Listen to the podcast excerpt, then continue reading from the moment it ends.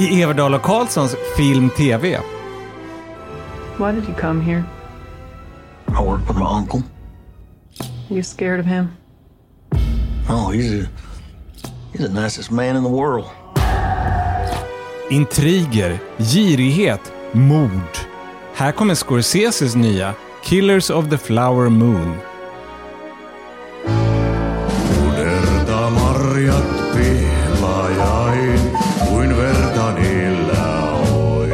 Vemodiga tongångar i Aki Kaurismäkis Höstlöv som faller. Men med en hund som heter Chaplin. Dessutom, Wes Anderson gör Roald Dahl. Irländskt mys, men med förnuft. Och så Johans techno-dokutips. Allt i podcasten som är din enda vän i film och streamingdjungeln.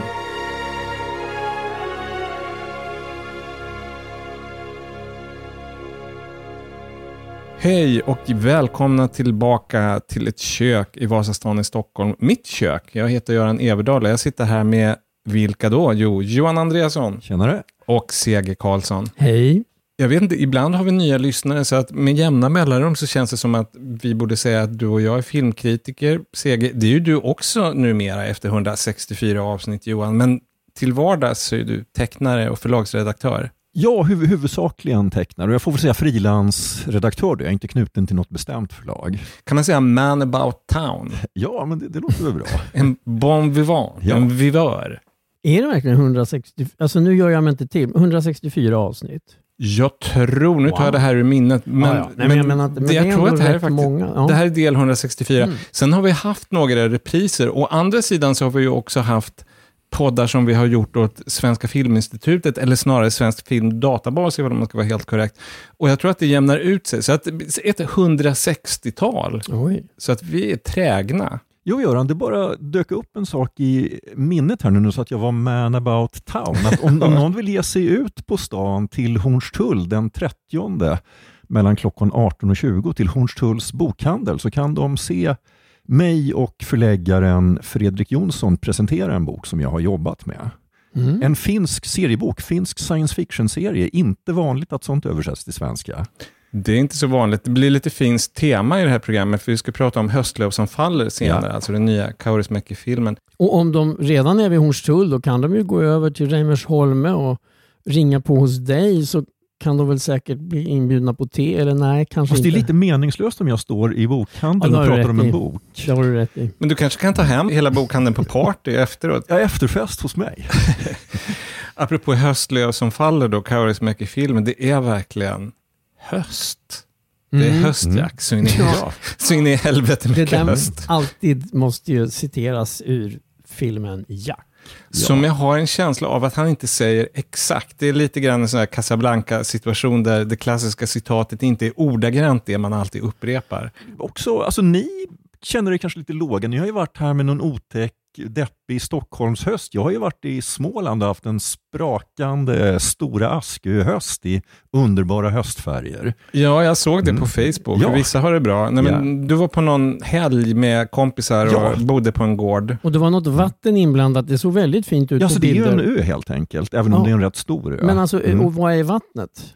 Ja, runt ön. Jo, men- nej jag menar, vilk, alltså är det en sjö eller är det... Nej, det är hav. Ja, ja, du kan vara glad. Det, det såg härligt ut på bilderna, men som sagt, jag och Seger, vi har fått nöja oss med Stockholm och just idag är det, Nej, det är lite deppigt, det kan jag hålla med Mm. om. det är väldigt grått. Jag tröstar mig lite grann med att vi just har spelat in en klassiker, alltså ett klassikeravsnitt av podcasten, där vi pratar om ett rum med utsikt. Där är det fint väder. Där är väldigt fint väder, men det är som en vitamininjektion kan jag säga i, i den här hösten. Och vi pratar med Sissela Kyle, som du och jag Johan reste till Florens med i våras, så att vi var på plats. Men jag ska tillägga också att den här klassikerpodden, den kommer någon gång, kanske till jul. Vi skjuter upp det, det blir kanske en sen julklapp till er lyssnare. Det var ett kul samtal. Ja.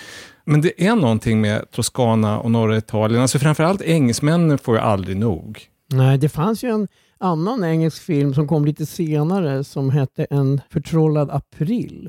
Som också utspelas i Toscana och det var eh, brittiska kvinnor också. Judi Dench bland annat. Ja. Det är ett av många, många exempel, alltså vi har en gemensam favoritförfattare, Anthony Trollope, viktorian, och hans figurer rör sig ofta i Florens, liksom han gjorde och hela hans familj och många britter och det förstår jag. Om man har det brittiska klimatet då vill man åka till Toscana precis som man vill göra som svensk.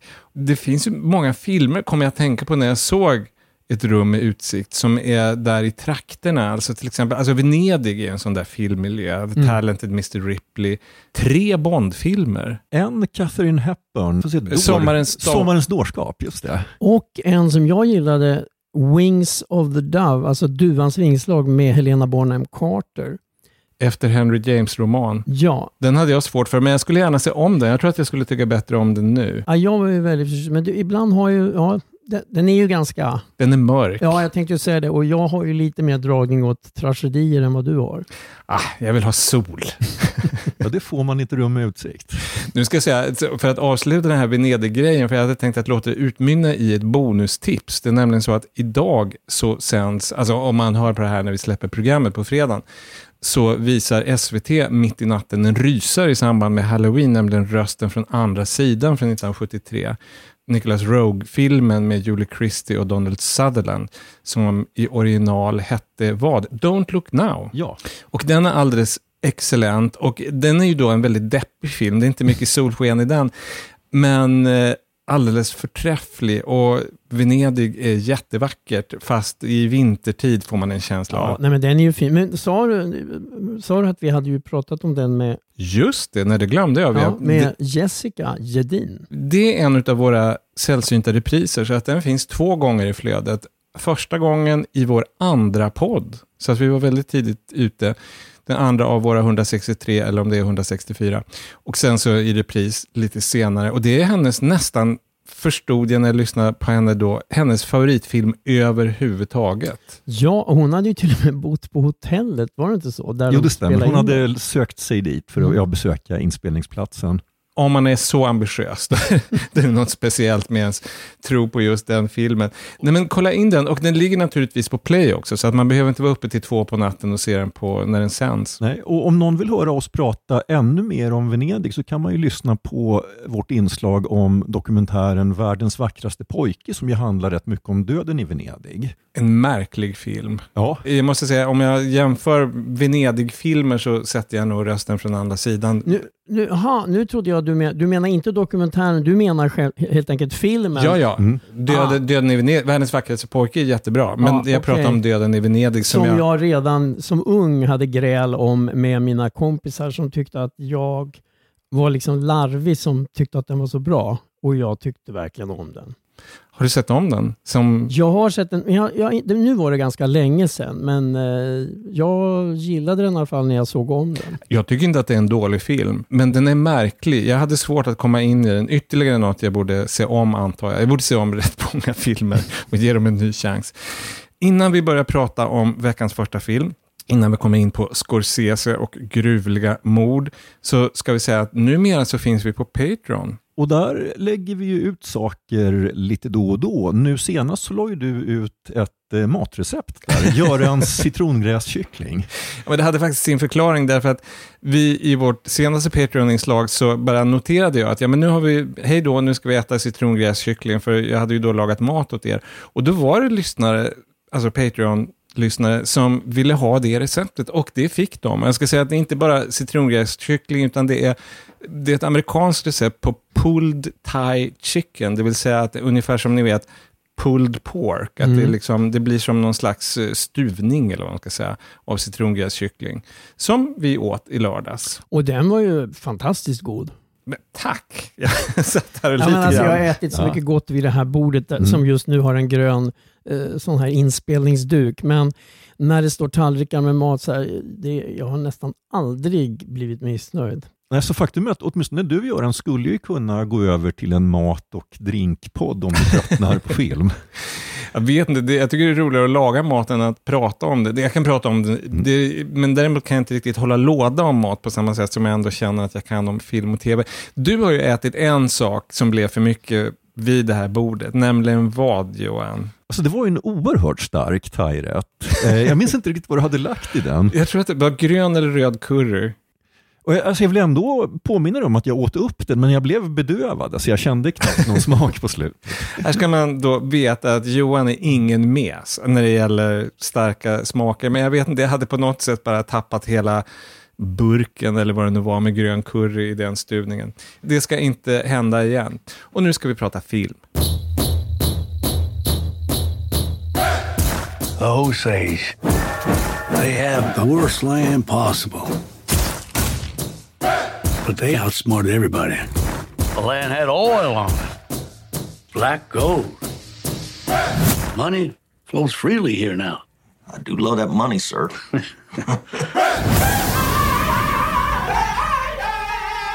Killers of the Flower Moon, biopremiär idag, fredag, om man lyssnar på podden precis när den kommer ut. Annars så finns den på biograferna och kommer vad det lider till Apple TV Plus, därför att det här är Apple-finansierat projekt. Och Killers of the Flower Moon, det är en riktig bamse, ett epos kan man säga, signerat Martin Scorsese. Tre timmar och 26 minuter udda även på andra sätt. Alltså Scorsese, han har gjort väldigt många olika filmer i olika genrer och sådär, men på något sätt så är det ändå ofrånkomligt att man förknippar honom med storstan och New York och gangstermiljöer gärna. Men det här är då en av hans utflykter. Han har åkt till Oklahoma för att göra den här filmen, vilket leder till frågan, är det en västernfilm? Alltså det är ju indianer eller urbefolkning med och så vidare. Alltså jag skulle nog säga att åtminstone visuellt så är det en eh, westernfilm. För det här är ju en, en väldigt otypisk Scorsese-film. Och bara en sån här tanke som dök upp, alltså kommer ni ihåg den här underbara scenen i The Fablemans där den unge... Alltså eh, Spielberg-filmen. Ja, den, där den unge Steven Spielberg får träffa sin idol John Ford och få råd om hur man gör film. Och Då har John Ford i sitt arbetsrum en massa målningar, alltså tavlor med westernmotiv. Och så får den unge Spielberg gå och titta på tavlorna och så frågar John Ford om man kan peka ut horisontlinjen. Och när han har liksom tittat på dem och funderat över var horisonten ligger och vad det betyder för bilden var horisonten ligger, så säger han ah, men nu, nu är du på, på god väg att bli en bra regissör. Eh, det känns nästan som att Scorsese har liksom tagit till sig de råden, för att den är så otroligt målerisk den här filmen. Det är verkligen som så stora, breda eh, målningar, tablåer. Landskapen spelar stor roll. Jag läste en intervju med Scorsese när han sa när han då scoutade miljöer, inspelningsmiljöer, så att de åkte i någon jeep över prärien. Han tyckte att ja, men vi rör ju inte på oss, det händer ingenting. Och det visade sig att de åkte i över 100 km i timmen. Det var bara det att landskapet var så monotont och platt, så han begrep inte att de var i rörelse ens. Så Nej, det, och det, det är något majestätiskt över landskapet som på något sätt avspeglas i hela filmen tycker jag. Sen så finns ju den här sidan av, nu ska vi lyssna på klippet snart, men Scorsese när han gör någon av sina många, många essäer och tal och intervjuer om filmklassiker, då pratar han ju väldigt mycket om John Ford och framför allt The Searchers, alltså Ja. förföljaren med, med John Wayne. Så att det känns som att han, någonting i den här genren har legat och väntat på honom i alla år. Så Killers of the Flower Moon, det är en sann historia, bygger på dokumentärt material om seriemord, både offren och mördarna, därför att det är flera mördare som förekommer. Grunden är att i början av 1900-talet så blev Osage-indianerna, Le Osage-folket i Oklahoma stenrika, för det hittades olja på deras mark. Det här reservatet som de hade fått i akt och mening att bli utan någonting. Den här värdelösa marken visade sig tvärtom vara ovärderlig. Och så började markägarna att dö, arvtagarna. Och det är ingen spoiler därför att det här görs klart i stort sett från första början i filmen. Indianerna mördades i smyg av vita amerikaner som Ernest Burkhart, en första världskriget-veteran som spelas av Leonardo DiCaprio. Han återvänder på 1920-talet och får jobb hos sin morbror och chef, den redan stenrike William Hale som spelas av Robert De Niro. Och vi ska lyssna på en scen och där ett av alla dessa mord på markägare har gått snett. Det skulle se ut som självmord, men offret blev skjutet i nacken. William Hale, han är inte glad. It's supposed to be a suicide, you dumb bill. You didn't tell him to leave the gun. I don't know why I told him to leave the gun. I told, him Told exactly. him to leave the gun. Just like you What told is kid. I don't know why he didn't. I don't know why. I told him just like you told him. You told him to do it in the front of the head, and why did you do it in the back of the head? It's so simple. The front is the front, the back is the back. Man, he has to make it look like he done it himself. It just looks like murder. It's not supposed to be that way. You hear? I told him the front of the head. I said the front of the head, just like this, just like you told me. I, I promise you. I promise you. I swear on my children. No, no, no, no, I swear on my children, Now, now, King. Settle down, settle, settle, settle. And don't swear on your children. Makes you look foolish. Well, I ain't. I ain't foolish because I done it.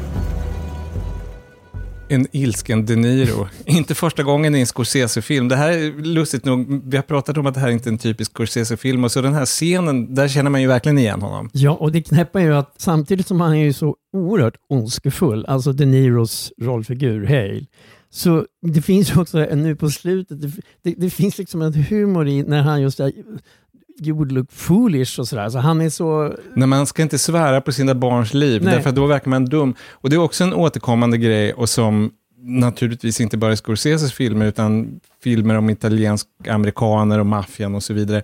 Det här med familjens betydelse. Absolut. Att hur vidrig man än är och hur många man än mördar, så är det liksom, nej men herregud, säga så om dina barn. Men sen är det också, han har den där irritationen. Det finns en scen väldigt sent när han också blir galen för han, han förklarar någonting och han liksom känner att har ens Ernest, alltså Leo, har han ens liksom lyssnat? Och då, liksom bara, då säger han, den Niro, så här bara, titta på mig som om du förstår vad jag säger. det är också, alltså, han har något visst sätt att leverera sådana där repliker. Alltså, undertexten där, som är en av de här många sakerna som gör en upprörd med den här dokumentära bakgrunden, därför att de har hittat på scener och motivationer och sådär, men skeendet är ju totalt dokumentärt, allt det här hände. Och just att de är så klantiga i mycket av mördandet. Alltså det här är, som Deep Throat säger i Alla presidentens män, these are not smart guys. Alltså det, det är inte några briljanta brottslingar, ändå så kommer de undan med det år efter år efter år. Och det är ju på grund av den här ingrodda rasismen. Ja, alltså, alltså det är verkligen en grundförutsättning för filmen att den här Osage-stammen, de har ju i och för sig då blivit stenrika och de äger marken, men de är trots det totalt rättslösa. Det finns ju ingen fungerande polis eller rättsväsen överhuvudtaget. Och när, när det, saker händer dem så det är bara sopas under mattan hur som helst. Och det kan vara, ja som här, alltså hur uppenbara saker som helst. Det, det finns inte en chans att, att någon av de vita skulle bli fälld för någonting här. Och även de som då inte mördas, de är ofta satta under förmyndare. Alltså de får inte förfoga över sin egen egendom med sina egna pengar. Så det finns mycket som är otroligt frustrerande här. Men jag ska bara tillägga en sak när vi ändå hörde på den här scenen med De Niro och DiCaprio, att Robert De Niro har gjort så många bra saker, och företrädesvis på 1970 och 80-talen. Och lite grann skämt ut sig om man ska vara helt ärlig, Mm. de senaste decennierna. gjort mycket för pengarna känns det som. Så att det är kul att se honom här i en mångbottnad roll. Sen så känner man ju ändå igen De Niro. Alltså på ett sätt så är det ju liksom en De Niro-gubbe, men det är en De Niro-gubbe att bita i på ett annat sätt. Det känns verkligen att han, han är ju också så inspirerad av den här rollen. För det, det jag tycker man såg i, i de här eh, mediokra, ibland ännu värre, komedierna som han liksom bara lånade sitt namn till. Ja. Knappt sin skådiskonst. Alltså då kände man ju att men han är inte där. Och här är det så tydligt att han, han, det här är verkligen en roll som han är liksom helt inne i. Och det är faktiskt härligt att se det igen. Och det är härligt att se att han spelar på ett sätt den här auktoriteten, den här ondskefulla gangsterbossen som han är i princip. Det är på sätt och vis en typisk De Niro-roll, men han spelar också liksom någon från amerikanska södern, som inte är italiensk amerikan, utan han, han har lite grann gått utanför sina, sitt vanliga rollfack på ett sätt som är väldigt kul. Sen är en annan sak, att det går liksom inte att komma förbi att det här är en film, alltså jag förstår vad som lockade Scorsese, förutom att han alltid har velat göra en film i den här västernmiljön och inte haft chansen.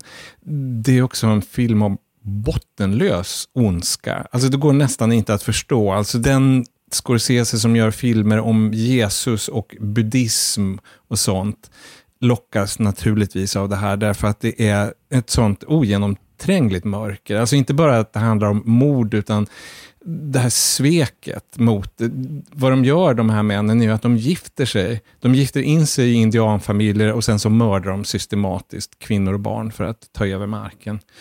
Det här skildras då i boken Killers of the Flower Moon, som finns på svenska och i pocket av journalisten David Gran, New Yorker-journalist.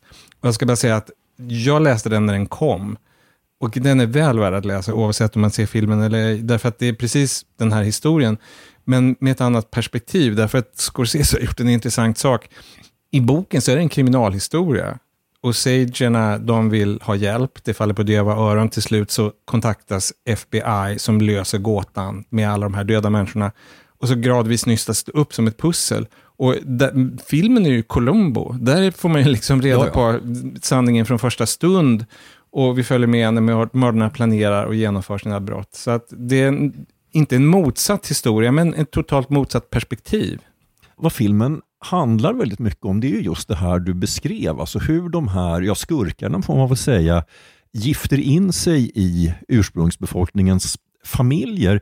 Men alltså i den här liksom lilla hålan, alltså det, det uppstår ju då liksom märkliga personliga relationer. Alltså en, en del av de här gifta paren, när de varit tillsammans tillräckligt länge så börjar de ju gilla eller till och med blir förälskade i varandra, trots att kvinnan kan ha ganska klart för sig vad mannen egentligen är ute efter. Jag skulle säga att speciellt den här Ernest, han är i och för sig då inte den vassaste kniven i lådan. Han, han, det, det är inte liksom raka vägen framåt för honom. Men han blir ju verkligen kär på riktigt i den här kvinnan Molly som han har gift sig med. Men det är ju ändå så att han sakta ska förgifta henne med sig. Hon, hon är ju diabetiker med sitt insulin. Och alltså, vi pratade lite grann om vad, vad är det här för genre egentligen? Och på ett sätt så är ju det här eh, gasljus. Alltså är, är jag utsatt, försöker Cary Grant eller eh, vem det nu är i gasljus mörda Ingrid Bergman eller inte? Alltså det är då Cary Grant i Suspicion. ja, och, i, i, och där är det, får se, Cary Grant och John Fontaine. John Fontaine. Och, Och det är Ingrid Bergman och vem är, vem är mannen? Charles Boyer. Charles Boyer, just det. Charles Boyer. Charles Boyer. Nu ska jag bara klargöra så att man förstår. Ja. Gasljus, då är det Charles Boyer som försöker göra Ingrid Bergman galen. Och i Suspicion, som har en svensk titel som jag har glömt, Hitchcock-filmen, Illdåd planeras. Illdåd planeras, så är det Cary Grant som förgiftar mjölk, tror jag. För Eller ja, tror man just, just för att man får man riktigt veta hur det var. det där är en Hitchcock-film som jag inte har sett. Det är en av de få, Den är faktiskt. spännande. Mm, den är spännande. Ja. Jag har hackat av liksom en efter en, men den och I confess, jag bekänner, det är två stycken som finns kvar för mig. Som inte jag har sett än. I alla fall, det är en hel genre det här, med kvinnorna som misstänker att deras män försöker ta koll på dem. Rosemary's Baby är en Ja, sån och också. som har lett till det här uttrycket gaslighting som ju används väldigt flitigt. Men Ja. det är ju också det där som du har varit inne på. Det är fascinerande just, just deras, alltså Ernest och Molly, att det också då mitt i allt det där så är det ju verkligen så att man känner, jo men han är liksom kär i henne. Ja, ja, absolut. Och hon är ju så bra. Alltså Lily Gladstone som spelar Molly. Molly är ju på något sätt filmens centrum och själ. Alltså hon, hon har någon, en väldigt speciell roll i den här filmen. Hon har en väldig karisma. Det tänkte jag på. I början av filmen så blir ju hon liksom förförd. Eller han börjar flörta med henne, DiCaprio. Han är hennes chaufför först, därför att hon är ju då rik och han är fattig. Det är så fint scenerna dem emellan och framför allt är hon så bra. Därför att hon har en sån integritet. Onkashi. Shomikasi Koshiyajmi. What was that? Shomikasi. That's how you are. I don't know what you said, but it must have been Indian for handsome devil. Och hon har någon slags bister, ironisk humor som jag inte känner igen från Scorsese-filmer. Det finns humor, men den brukar vara lite bredare och liksom, liksom flabbigare. Jag tror att den här ironin kommer ifrån Lily Gladstone. Det är en ny gestalt i Scorsese-film. Och det här blicken, alltså det är så mycket man känner att hon genomskådar nog, men inte alltid. Alltså hon vet ju någonstans, jag tror att till och med att hon säger någon replik att hon förstår att han tar henne för pengarna. Ja, just det. Men att hon är realist och han älskar henne också med pengarna. Och sen så underförstått så förstår hon att ja, men, utan pengarna, så vem vet. Men hon är ju kär. Och, så- och det här, hon har som ett, lit- ett sorgset litet leende som är väldigt speciellt. Alltså jag, jag, jag tycker bara det är väldigt spännande att titta på. Och så det här är ju en film med, det är en enorm eh, mängd skådespelare. Det är en väldigt dialogrik film. Hon säger inte speciellt mycket. Hon tror jag är en av de som säger allra minst. Men det är ändå, som du verkligen säger, det är hon som bär upp den här filmen. Och det är så speciellt därför att de fick ju leta, det är en bärande roll och alla som spelar urbefolkningen, eller som spelar Osage-indianer. Jag tror inte att de är Osage-indianer nödvändigtvis allihop, men de tillhör urbefolkningen, de är olika, från olika stammar. Lille Gladstone är det bland annat tror jag, men hon blev godkänd av Osage-folket, därför att det är gjort i samarbete med dem. Och just det, för hon, ja, hon växte upp i det här Blackfeet, alltså säger vi svartfötter? Om... Ja, I gamla westernfilmer så översätts det som svartfötter i alla fall. Ja, jag hade mina, men Blackfeet eh, Indian Reservation, där växte hon upp. Men det är den ena sidan av saken. Hon är fantastisk och det är väldigt viktigt att hon har den här auktoriteten och humorn och intelligensen tidigt i filmen. Därför att sen så, det är långa partier där hon är så sjuk så att hon är nästan ett vårdpaket. Liksom. Och att man vet den som finns kvar, människan som finns kvar där inne. Men den stora gåtan, och den undrar jag om ni tycker, att, får man svar på det i den här filmen, det är ju DiCaprio, Burkhardt, mm han älskar henne och han förgiftar henne. Alltså till skillnad från John Cassavetes i Rosemary's Baby eller Shortboy i Gashus, alltså de är ju bara svin. Och jag menar, Burkhart är ju också ett svin, men han är ett svin som älskar kvinnan som han försöker mörda.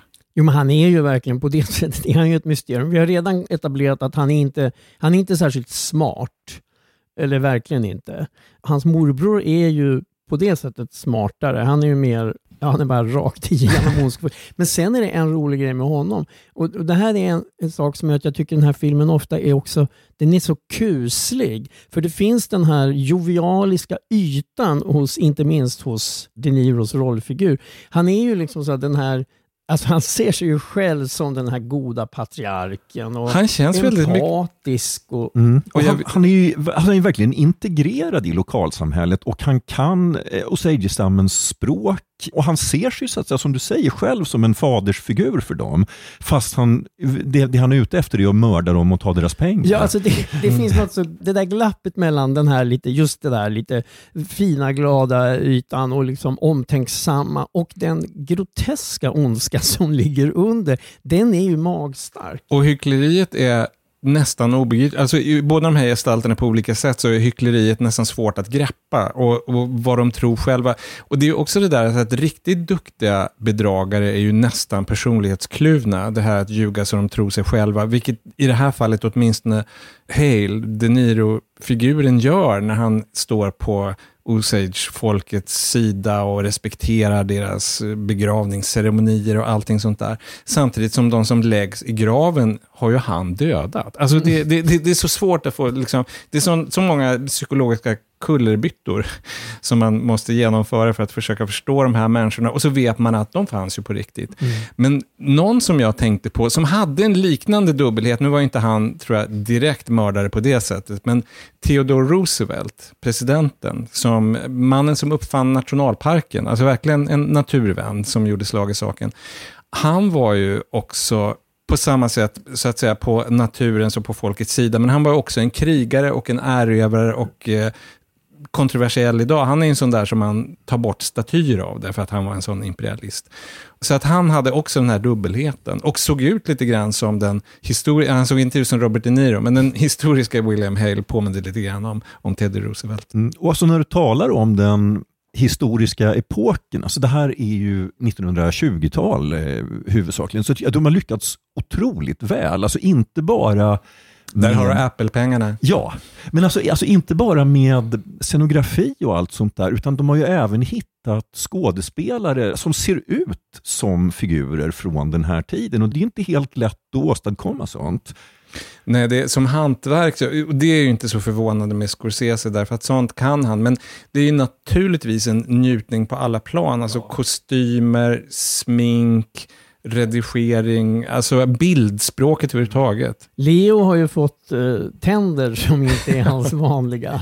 Ska- Lite distraherande kan jag tycka. Ja, ja, men de ska ju se lite äckliga Nej, men ut. han har, dels ska de se lite äckliga ut, men sen har han ett litet underbett som han blir så lite bulldogsaktig. Det är lite grann Brando i Gudfadern. Ja, dels det, men jag tänkte också på den allra första scenen med DiCaprio. Då kände jag, då hade han, han var väldigt så här butters och bister. Då tyckte jag att han såg ut lite som De Niros bistermin. Ni vet den där i vissa filmer som han har när han ser verkligen sådär, Ja, jo. när han spelar liksom förbannad han ser och nästan bitter. lite komisk ut. Ja, och det tyckte jag lite faktiskt att DiCaprio hade i början här. En sak som vi ska prata och sen så kanske det börjar bli dags för betyg. Det är längden. de här berömda tre timmarna och 26 minuterna. Hur kände ni inför längden efter den här liksom långa, långa, långa matchen? Alltså jag kan säga att jag var innan så var jag verkligen så här, åh herregud vad långt det är. Så jag hade ju med mig en himla massa mackor. Eh, Hade du sittunderlag också? Ja, det var ju en morgonvisning så att jag Ja. hade med mig faktiskt tre dubbelmackor, alltså sex smörgåsskivor med massa olika pålägg. Så mycket kolhydrater. Ja, och sen så trodde jag ju absolut att det här kommer bli jättejobbigt. Hur kan jag liksom klara mig utan att gå ifrån bion en stund? Inte hela bion, men salongen.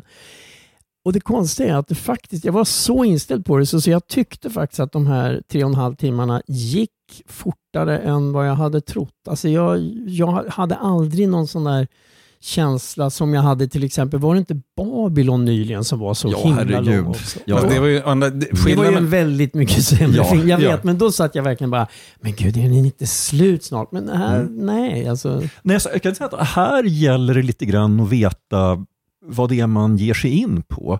För att som sagt, har man ställt in sig på, från början på att den här filmen är tre och en halv timme lång så kändes den för mig heller inte lång. Sen är det ju så att på grund av att det är en sån otypisk Scorsese-film så var det så att fortfarande ungefär en timme i filmen så visste inte jag riktigt vart den var på väg. Men det var ändå så pass intressant och, och välgjord så att jag hade liksom inga problem att acceptera det. Och på slutet så tycker jag att det här långsamma tempot betalar sig oerhört väl. Alltså det, det, är, det är någonting liksom mäktigt i den här historien som sakta, sakta byggs upp på ett sätt som ju faktiskt inte skulle gå med en kortare speltid. Det håller jag med om. Av, av princip är jag så att säga emot att filmer ska vara så här långa. Ja, jag med. Eh, och Ja. vi, vi kommer ju sen prata om en Kauris film. Det, det Mm. här är ju äpplen och päron, men Ja, ja, den är verkligen. 1,21 och det är ju ett underbart format. Det är naturligtvis helt idiotiskt att jämföra de två, för den är inte episk, det är den här. Men som sagt, principiellt tycker jag, nej, det är för långt. Men jag håller med dig ändå. Alltså den här historien, den behöver längd. sen är ju liksom tempot är väldigt makligt, men jag har en teori om att vi tål det bättre nu än kanske för tio år sedan, därför att man har blivit så van vid att bingea tv-serier. Och jag menar, om man sitter en kväll och kollar in vad det nu är, så är det i alla fall för mig och för de allra flesta, det är ju inte ovanligt att man ser tre, fyra avsnitt på raken. Det kan bli betydligt längre än de här tre timmarna och 26 minuterna. Så att jag tror att vi har utvecklat någon slags mentalt sittfläsk. Vi ja, som, och jag kan ju säga att alltså, även då som eh, westernfan, alltså klarar man av harmonika en hämnare så har man ju inga problem med det här. Nej, fast dä- däremot så är det här en annan slags film. Även om det här också är en våldsam film så Ja. är det liksom inte, det, det finns ju Nej, inte men den... är väldigt långsamt berättad, speciellt i början. Och det tar ett bra tag att liksom komma in i filmens eh, rytm. Men när man väl gjort det så, ja, så, så betalar det sig verkligen.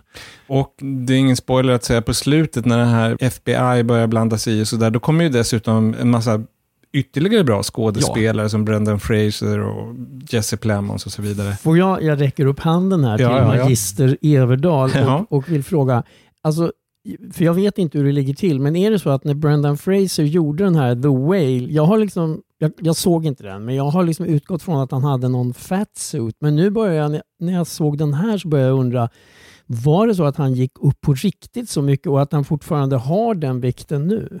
Det var som så att han har blivit stor av i- egen maskin så att säga med åren. Men när han gjorde The Whale, där skulle han ju vara så väldigt stor. Så att då var det en fat suit ovanpå hans egen kroppshydda.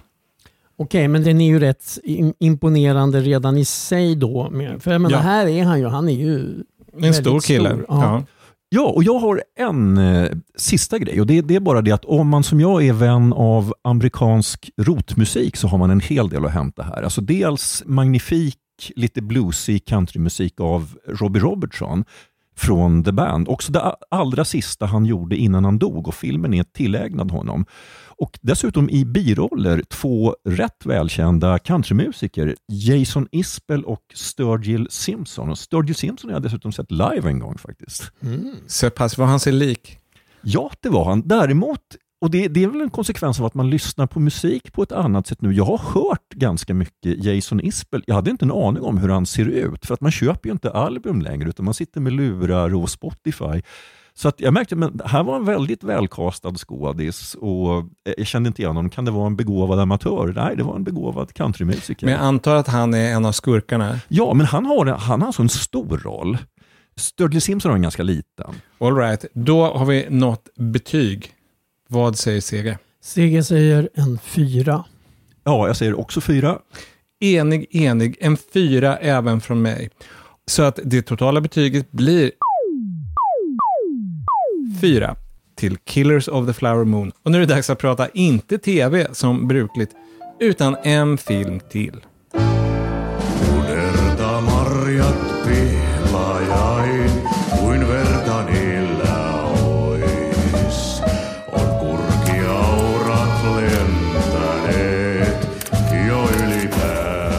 Det vi har där det är smäktande tangotongångar från Höstlöv som faller. Den nya filmen av Aki Kaurismäki som hade premiär i förra veckan.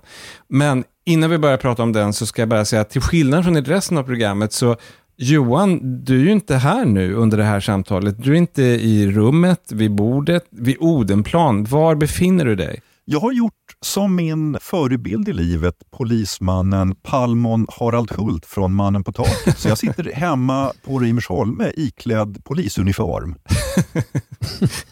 Det tror inte jag på, fast jag, jag gillar tanken. Det här är sånt evighetsskämt, men jag ska förklara då för de lyssnare som inte, för det här har förekommit tidigare i podden. Vad heter, vad heter han igen? Pa Palmon Harald Hult.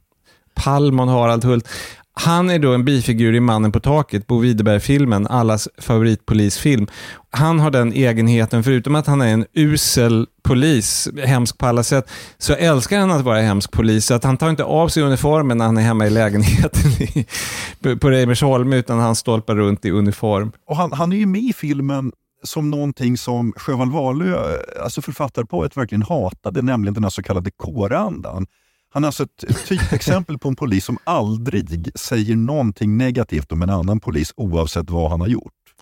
Nu för att göra en melodiradioövergång så kan jag tänka mig att den här rollfiguren hade fått sina fiskar varma i Höstlöv som faller. Ja men gud, plötsligt så slår det mig, ja men det, det finns ju en vakt där som man kommer att tänka på. Ja, men som kanske har på sig uniformen hemma.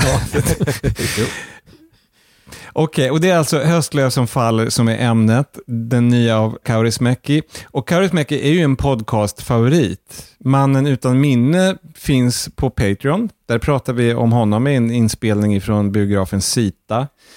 När vi visade upp den på Folkets Bios 50-årsjubileum inför publik och det var ju jättekul därför att det här är ju en publikfilm i den meningen att man blir så medryckt. Ja, det var väldigt kul. Och som sagt, alltså, vi fick ju, eh, det här var ju en beställning från Folkets bio. Vi fick välja helt fritt bland alla filmer som de visat de senaste 50 åren och av dem så hade vi ganska lätt att komma fram till att Mannen utan minne var vår favorit. Som man kan tänka sig så har vi förväntningar på den här nya och det är den första Kaurismäki-filmen på ett par år. Han var väldigt produktiv ett tag, gjorde massvis och så är det inte längre. Utan nu de senaste gångerna har det varit lite grann att han alltid, ja det här blir min sista film. Nu har han lovat att Höstlös som faller faktiskt inte blir det, för han hade så kul när han gjorde det. Men man känner ju igen sig om man har sett till exempel Mannen utan minne.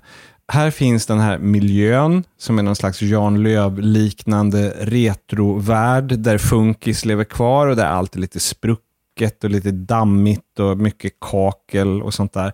Samtidigt så utspelar han sig på något absurt sätt i framtiden. Det ser man på en kalender, att det är år 2024. Ja, och det finns det ju en förklaring till att Aki Kaurismäki har sagt att genom att placera filmen ett år in i framtiden så tillåter han sig att folk får röka på krogen för att han säger att lagar kan ju ändras. Som sagt, han är i alla fall konsekvent. Det finns vissa saker han gillar. Det förekommer alkohol i hans filmer och det förekommer rökning och som sagt folk som röker på krogen. I det här fallet så handlar det om en man och en kvinna. De känner inte varandra när filmen börjar, men det gör de med besked innan den är slut. Hon heter Ansa. Hon har fått sparken från sitt underbetalda expeditjobb och han heter Hollappa. Det är hans efternamn, men det är det han lystrar till i filmen Hollappa. Och han är något av en suput. Han missköter de jobb han får Men de här två träffas och någon sorts ljuv musik uppstår. Vi ska höra en helt kort scen när de unga tu har varit på vad man kan kalla deras första dejt. De har varit på bio. De har sett en zombiefilm och du kände igen den filmen, Seger? Ja, det är ju en Jim Jarmusch-film från 2019 som heter The Dead Don't Die med Bill Murray och Adam Driver. Det förekommer ju en himla massa filmreferenser i den här rakt det kan man väl lugnt säga. Affischer på filmer som man förstår betyder någonting för Kaurismäki och sådär. Men, eh, men här är det ju även liksom film. Vi får se några scener med just Adam Driver. Ja, och det är verkligen ingen slump att de ser just en Jim Jarmusch-film, för att Jim Jarmusch och Aki Kaurismäki är ju en sorts filmiska tvillingar nästan, vars karriärer har gått parallellt genom åren. Lite udda att tänka sig en zombiefilm av Kaurismäki i och för sig, men det är väl bara väldigt ko- konstigt av Jarmusch också i och för sig. I alla fall, de båda har sett den här filmen och hon hävdar då att hon aldrig har skrattat så mycket, vilket är en gåtfull utsaga därför att på Kaurismäki-vis så har ju båda totalt pokerface hela tiden. Eivät poliisit mitenkään olisi voineet pärjätä. Zombeja oli yksinkertaisesti liikaa. Piditkö filmistä? Pidin. En ole koskaan nauranut niin paljon. Tapaammeko siis vielä? Haluaisitko?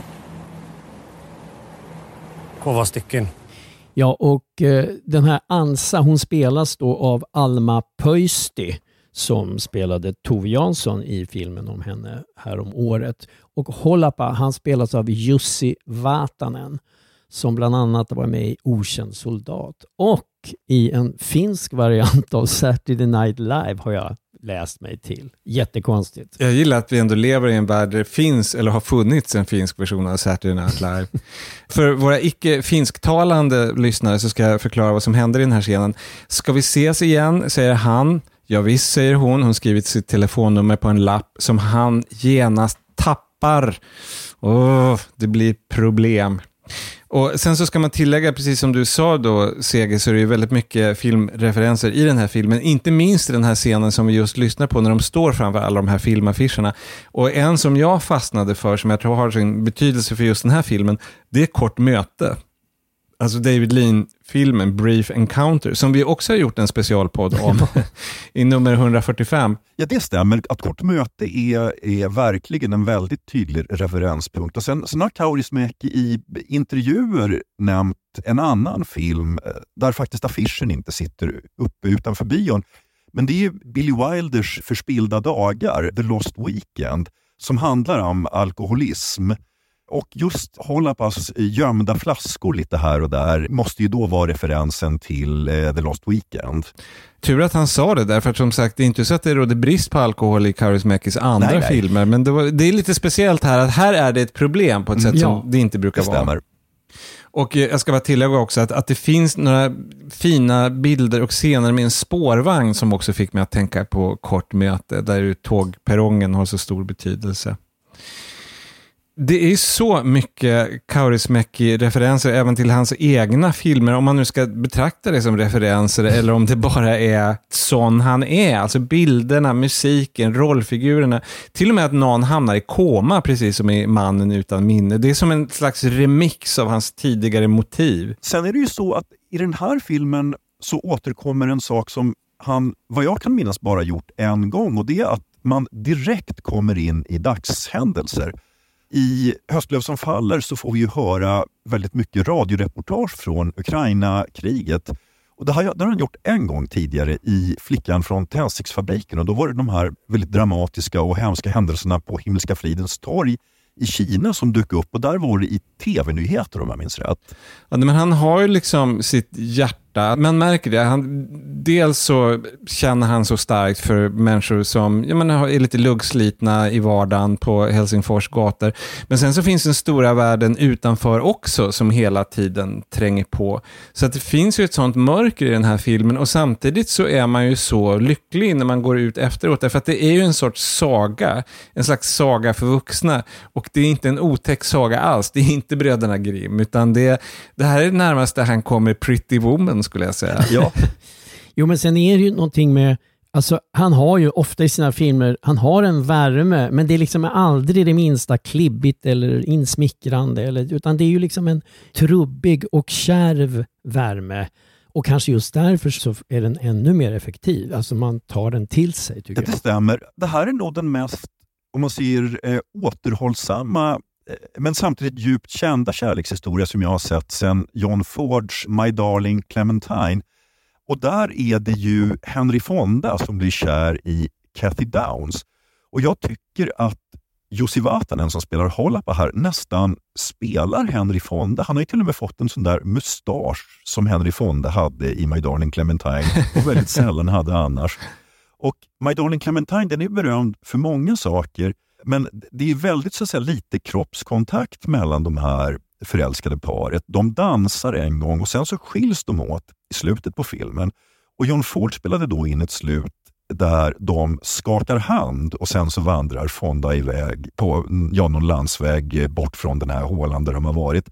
Men det, det här accepterade helt enkelt inte publiken. så att lite motvilligt så fick John Ford låta dem skiljas med en kindpuss. Och det är nästan så åt det hållet här också. Jag har en känsla av att en anledning till att den här filmen fungerar så bra och känns så, hur ska vi säga, frisk och ny, trots att det är så väldigt mycket de traditionella Kaurismäki-motiven, det är att Alma Pöysti är ju ny. Och hon bidrar lite grann med den här känslosamheten som du pratar om, Johan, trots att det är så återhållsamt. Alltså hon har, kan man säga, Katti Otonen-rollen. Ja. Hon spelar precis den slags kvinna som Katti Otonen gjorde i hans tidigare filmer. Och Hon är också fantastisk, men de, hon är inte fullt så nollställd som alla andra Alma Pöysti. Alltså hon är, kommer lite grann som en frisk fläkt. Det finns en känslighet som syns, som inte alltid döljs bakom det här pokerfacet. Och det gör att kärlekshistorien känns ännu starkare, skulle jag säga. Ja, men, och det är också så här att han, samtidigt som det finns i hans filmer, det finns liksom ibland Vissa saker kan, där det kan finnas en distans, ironi och så, men aldrig när det gäller just kärlek eller vänskap och svek och sånt. Det är alltid 100% allvar. Och det gör ju liksom att man bryr sig verkligen om det. Det tycker jag han är så ja, bra med. Och det är kul också att de har det här väldigt lakoniska, dräpande repliker. Som svensk uppfattar jag det som väldigt finskt. Alltså det här liksom att de är så fåordiga, men de få orden, de bränner starkt. Samtidigt så är det så kul att alla är så känsliga. Alltså den här Hollapa har ju en kompis, en medelålders man. Det var han som sjöng den här tango, karaoke-tangon. Och han är ju oerhört känslig därför att han snackar med en kvinna och lite grann raggar på henne och hon säger ungefär du är för gammal för mig. Och han släpper inte det under hela filmen. Så är han så sårad. Och han tycker själv att han har en fin sångröst. Kunde hon inte ha pratat om den istället för åldern? Ja, han är ju nästan indignerad att han inte har fått ett skivkontrakt. eftersom han tycker just att han sjunger så bra.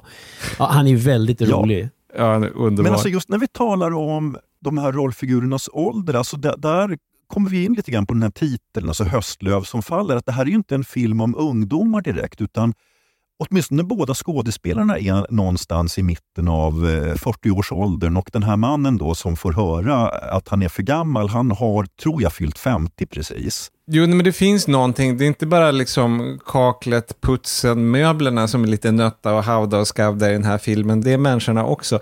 Och sen ska man ju då tillägga, återigen ett typiskt grepp för Kaurismäki, att det finns en hund. Och hunden är på något sätt det godas budbärare. I en Kaurismäki-film vet man att om det förekommer en hund så är hoppet inte helt ute. Och vad heter hunden?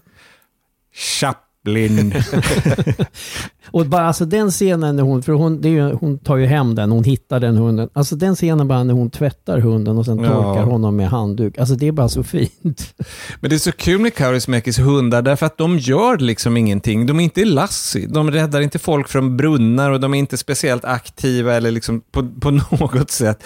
De bara finns där som en påminnelse om, kanske inte det gudomliga, men om det goda. Att det finns en annan sida av tillvaron.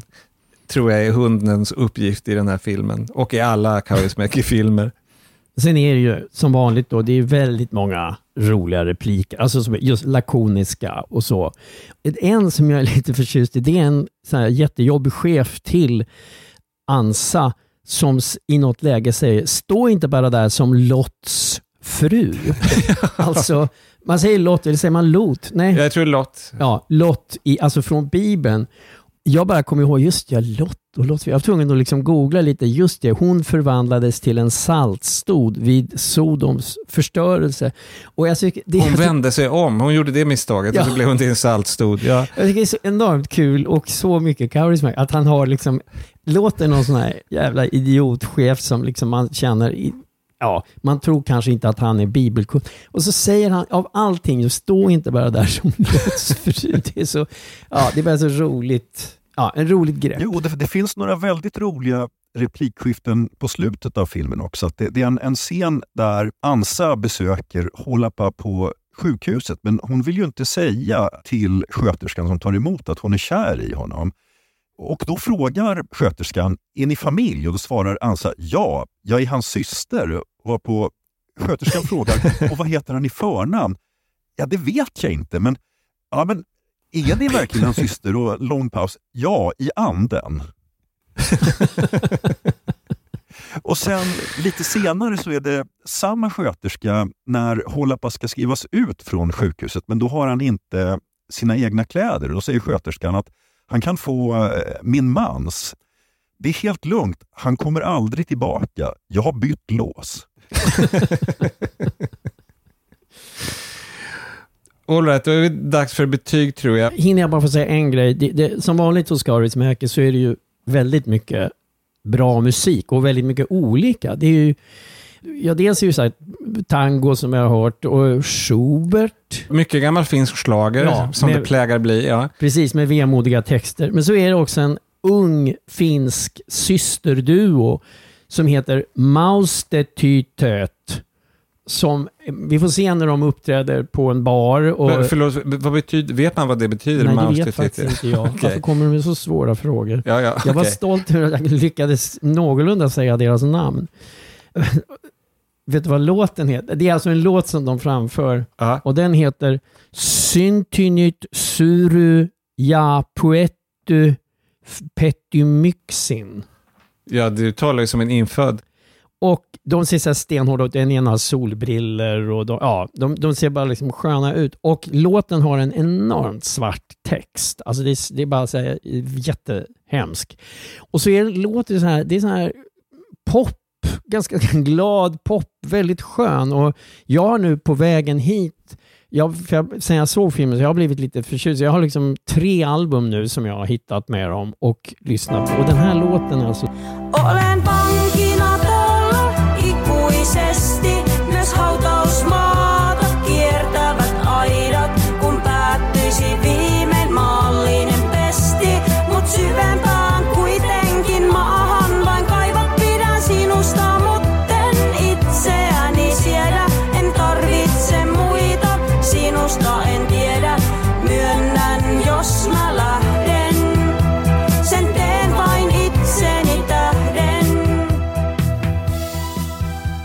Men den är bara så skön. Det är en sån, sån bra poplåt helt enkelt.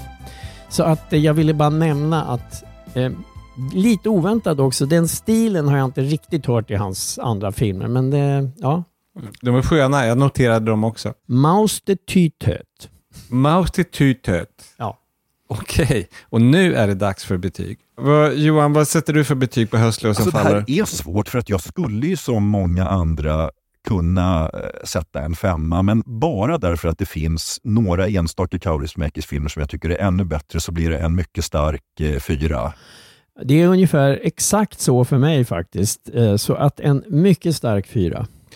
Jag sätter en femma på Höstlöv som faller, men totalen blir naturligtvis fyra stjärnor till Höstlöv som faller. Och nu är det dags för sista rundan.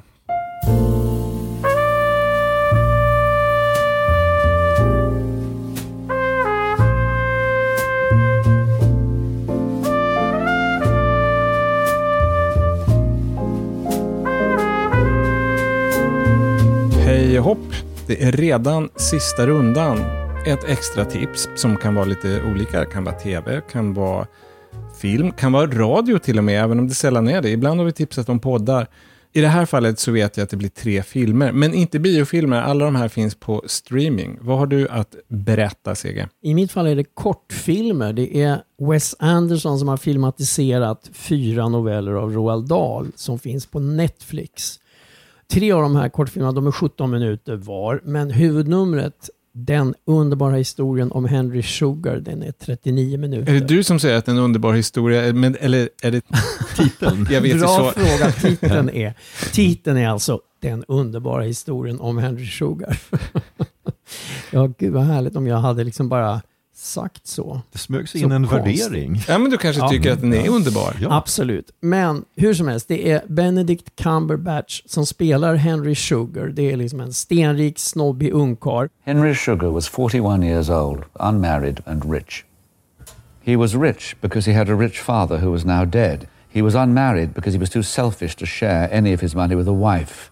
He was six feet two inches tall and not perhaps as handsome as he thought he was. He paid a great deal of attention to his clothes. He went to an expensive tailor for his suits, to a shirt maker for his shirts, and to a boot maker for his shoes. His hairdresser trimmed his hair once every 10 days, and he always took a manicure at the same time. He drove a Ferrari motor car, which cost him about the same as a country cottage. All his friends were rich, and he had never done a day's work in his life. Han får höra om en indisk man, Imdad Khan, som kan se utan att använda ögonen. Och Henry som redan sysslat en del med falskspel, han ser chansen att bli ännu rikare genom att själv träna upp den här förmågan att alltså kunna se utan att använda ögonen och använda den vid blackjack-bord på kasino. Det finns en kul scen när han mot all rim och reson, han har liksom fått 19 på handen och när man spelar blackjack det är som 21 och baccarat, de, alla de.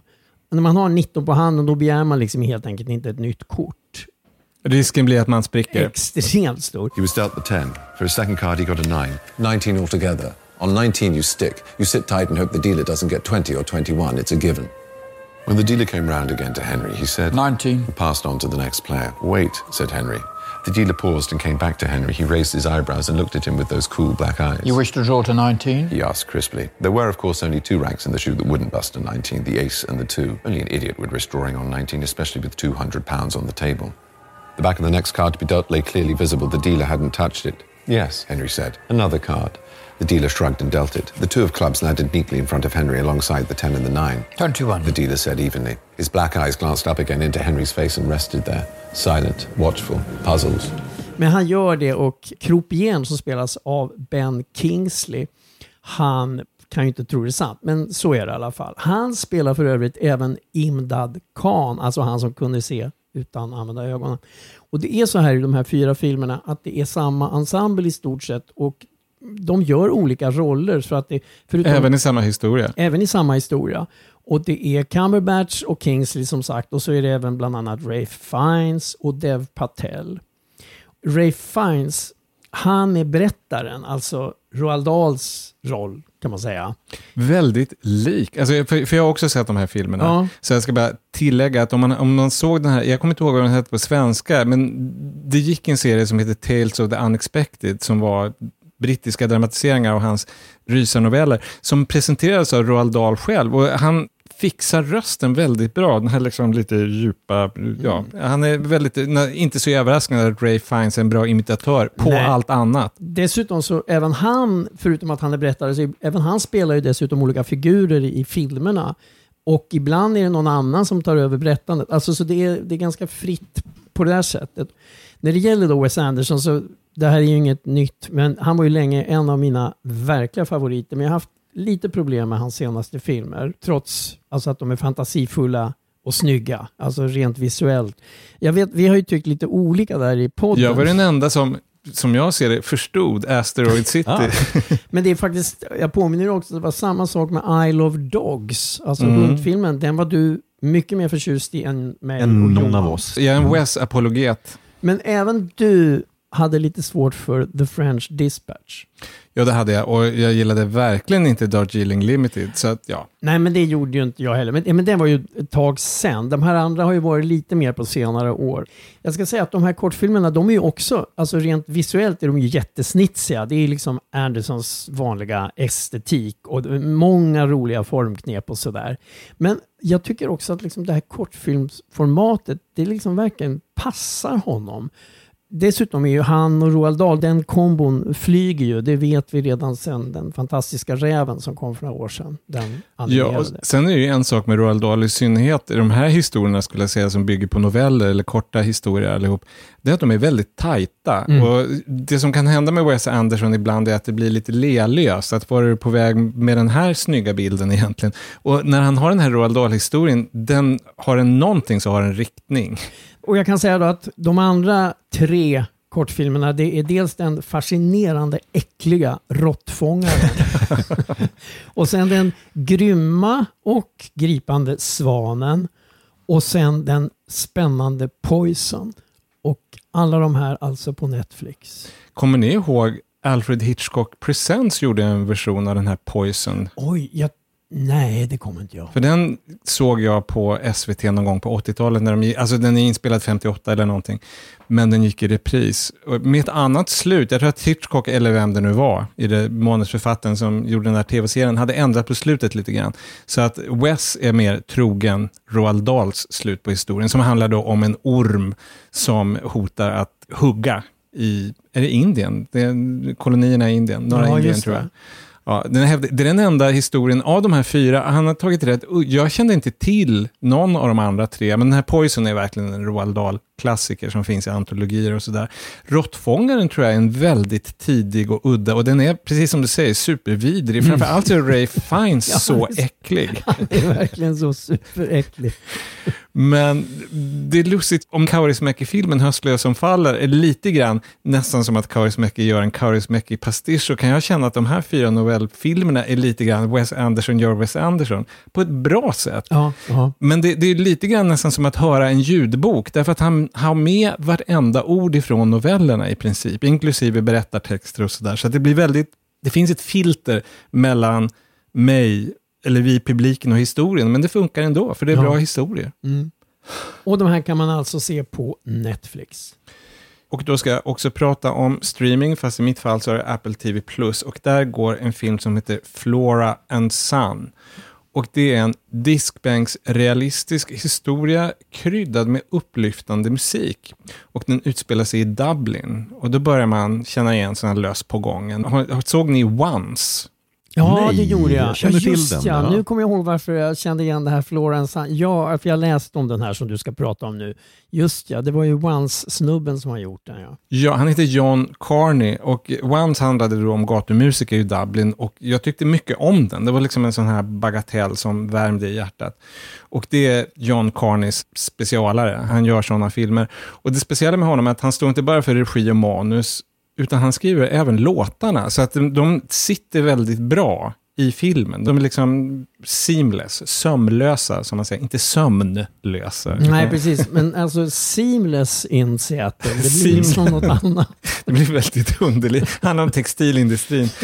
Eh, Flora and Son är alltså Carneys nya och Flora, hon spelas av en mycket duktig, för mig okänd aktris som heter Eve Hewson. Hon är en ung ensamstående mamma med väldigt vidlyftigt uteliv. Alltså hon på något sätt lever kvar i tonåren samtidigt som hon har en egen tonåring hemma, en 14-årig son som heter Max, som spelas av Oreen Kindlen.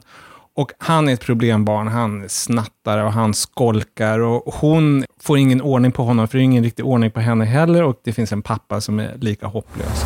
I can't go on like this. Okay, let's go. No, I mean in life. Oh, this can't be my story. Living in a shoebox with a kid who hates me and his dad who doesn't see me. This can't be my narrative. He rejected your prezi, so what? You didn't even buy it, in fairness, and you forgot his birthday. But you are a great mother. Am I?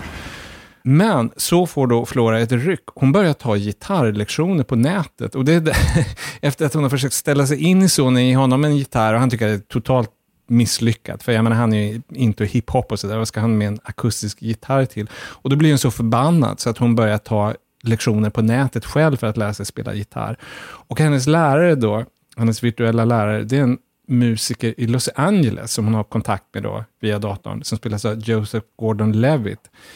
Och det uppstår någon slags kemi via skärmen och de sjunger ihop och kritiserar varandras låtar och sådär. Det finns något väldigt trivsamt med det i den här vardagsmisären, men historien är inte de två egentligen, utan det är den här mor och son som måste försonas.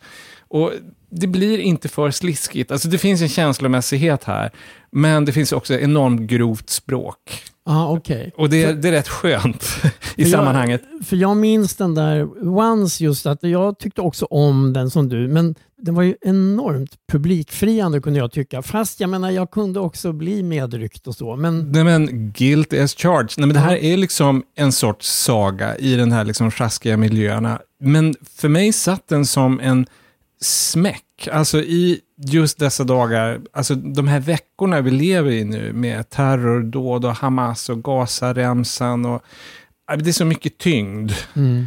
Så att den här kan bli en liten flykt. Flora and Sun på Apple TV+. Ja, alltså när du beskriver handlingen, så undrar jag, är, det här en pandemihistoria? För under pandemin så gjordes det ju ett antal filmer just med folk som får kontakt via skärmar på olika sätt. Det skulle kunna vara, men det är inte det. De har inte masker och sådär. Men vem vet, när han skrev manus, den kanske var tänkt att vara lite annorlunda från början. Nej, nej, utan de är ute på stan och som sagt snattar och bär sig åt. Så att, Och liksom så här kramas och tar varandra i hand och tvättar sig inte om händerna. mm, bakteriologisk mardröm. De kommer åka på vinterkräksjukan känner jag.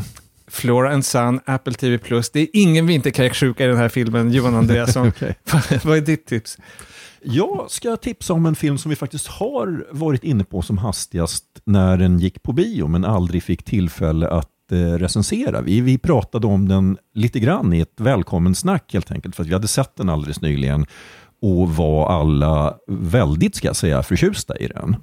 Och den heter Blackberry. Och Ja. Det var ju inte bara vi som gillade den, utan den fick ju jättefina recensioner, men ändå så försvann den, som filmer, bra filmer kan göra, väldigt fort från bio. Men nu finns den på streaming, man kan se den på flera ställen. Alltså, jag är rätt förtjust i den här genren. Alltså, det här är ju det som Kalle Lind i Snedtänks brukar kalla för nysstidshistoria. Att om man inte är jätteung så, så minns man det, men det har ändå gått så länge att man kanske minns det lite diffust. Sådär. Alltså Blackberry, det var väl, Göran du kan ju sånt här på riktigt, men har jag, har jag rätt om jag säger att det är den första telefonen som man liksom lyckades stoppa in en dator i? Ja, det kan man väl säga, förutom att all elektronik från de Mhm. senaste 30 åren har väl inslag av datorer, men det som var speciellt var att de hade den här internetuppkopplingen. Ja, så man kunde- kan smsa och mejla med telefonen. Så att det var liksom en mikrodator i den meningen. Så att det var föregångare framförallt för iPhone då, naturligtvis. Yeah, what can I do for you? Okay, picture a cell phone and an email machine all in one thing. There is a free wireless internet signal all across North America, and nobody has figured out how to use it. It's like the Force. Sorry, have you seen Star Wars? No. Den hade ju ett kort liv som liksom omtalad eh, statuspryl. Jag har för mig att det var till och med så att Barack Obama mer eller mindre tvingade sig till att få ha sin Blackberry i Vita huset. För det var inte riktigt tillåtet enligt officiella bestämmelser. Där. Men han var ju liksom en modern snubbe som hade sin Blackberry. Han bara with it. Ja. Jag hade, ska, jag- ingen har frågat men jag säger det ändå, jag hade då en Palm Pilot som var lite motsvarande. Så De ja. Likheten med Blackberry var att den också hade ett fysiskt tangentbord som man liksom kände med tummarna. Det var inte virtuellt som på iPhone. Och det var underbart och jag saknar det fortfarande. Ja. Fortsätt. Och sen, det här är ju då inte bara en film om teknikhistoria, för då, då skulle en, åtminstone jag ha eh, tappat intresset ganska snabbt, utan det är en sån här klassisk historia om i det här fallet då två ja, kreativa snillen, en sorts tekniknördar som, som får den här fantastiska idén, men de är ju helt värdelösa på att sälja in den och då måste de ju samarbeta med ett riktigt råskinn till kapitalist. Och Det här blir en, en festlig historia och till saken hör också att det här sker i Kanada.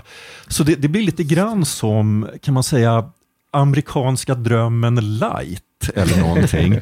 och på grund av då att så väl minns man ju Blackberry att eh, den blev ju fullständigt utplånad som produkt av iPhone. Så att, eh, Man kan säga att iPhone har samma roll som isberget har i filmen Titanic. Ja, alla vet hur det kommer att gå. Men trots det så skulle jag säga att filmen är spännande hela tiden. Alltså den är inte bara rolig och underhållande, utan den är alltså eh, bitvis riktig nagelbitare, trots att alla vet hur det kommer att sluta. Och det är ju för att det är så bra karaktärsskildring skulle jag säga. Ja. Man, man engagerar sig i de här personernas öden.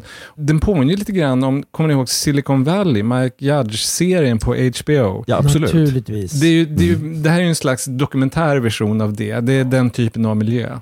Och den hittar man var, Blackberry? Alltså den hittar man på ganska många ställen på streaming. Om man har tur och har ett bibliotek som är uppkopplat till den här Cineasterna-tjänsten så kan man se den gratis och annars kan man hyra den på ja, rätt många ställen.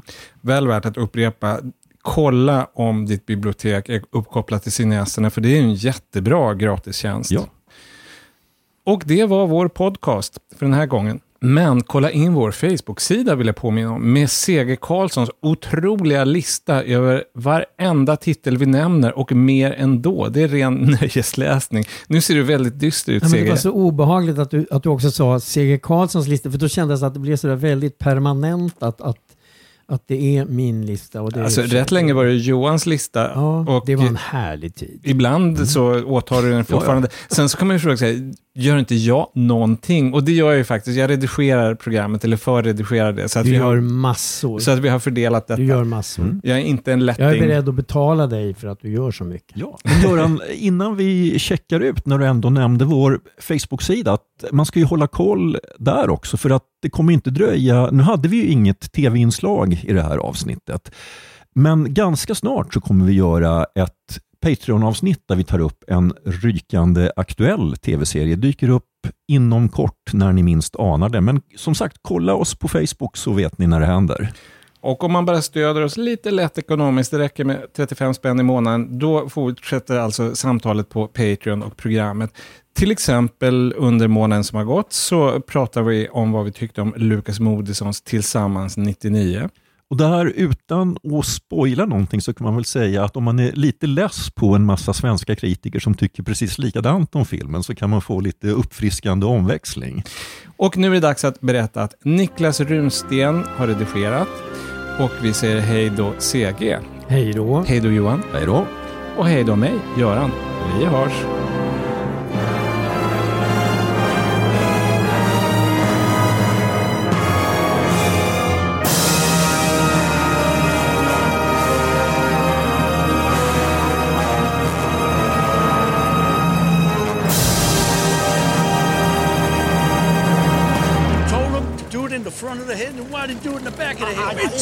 Simple. The front is the front, the back is the back.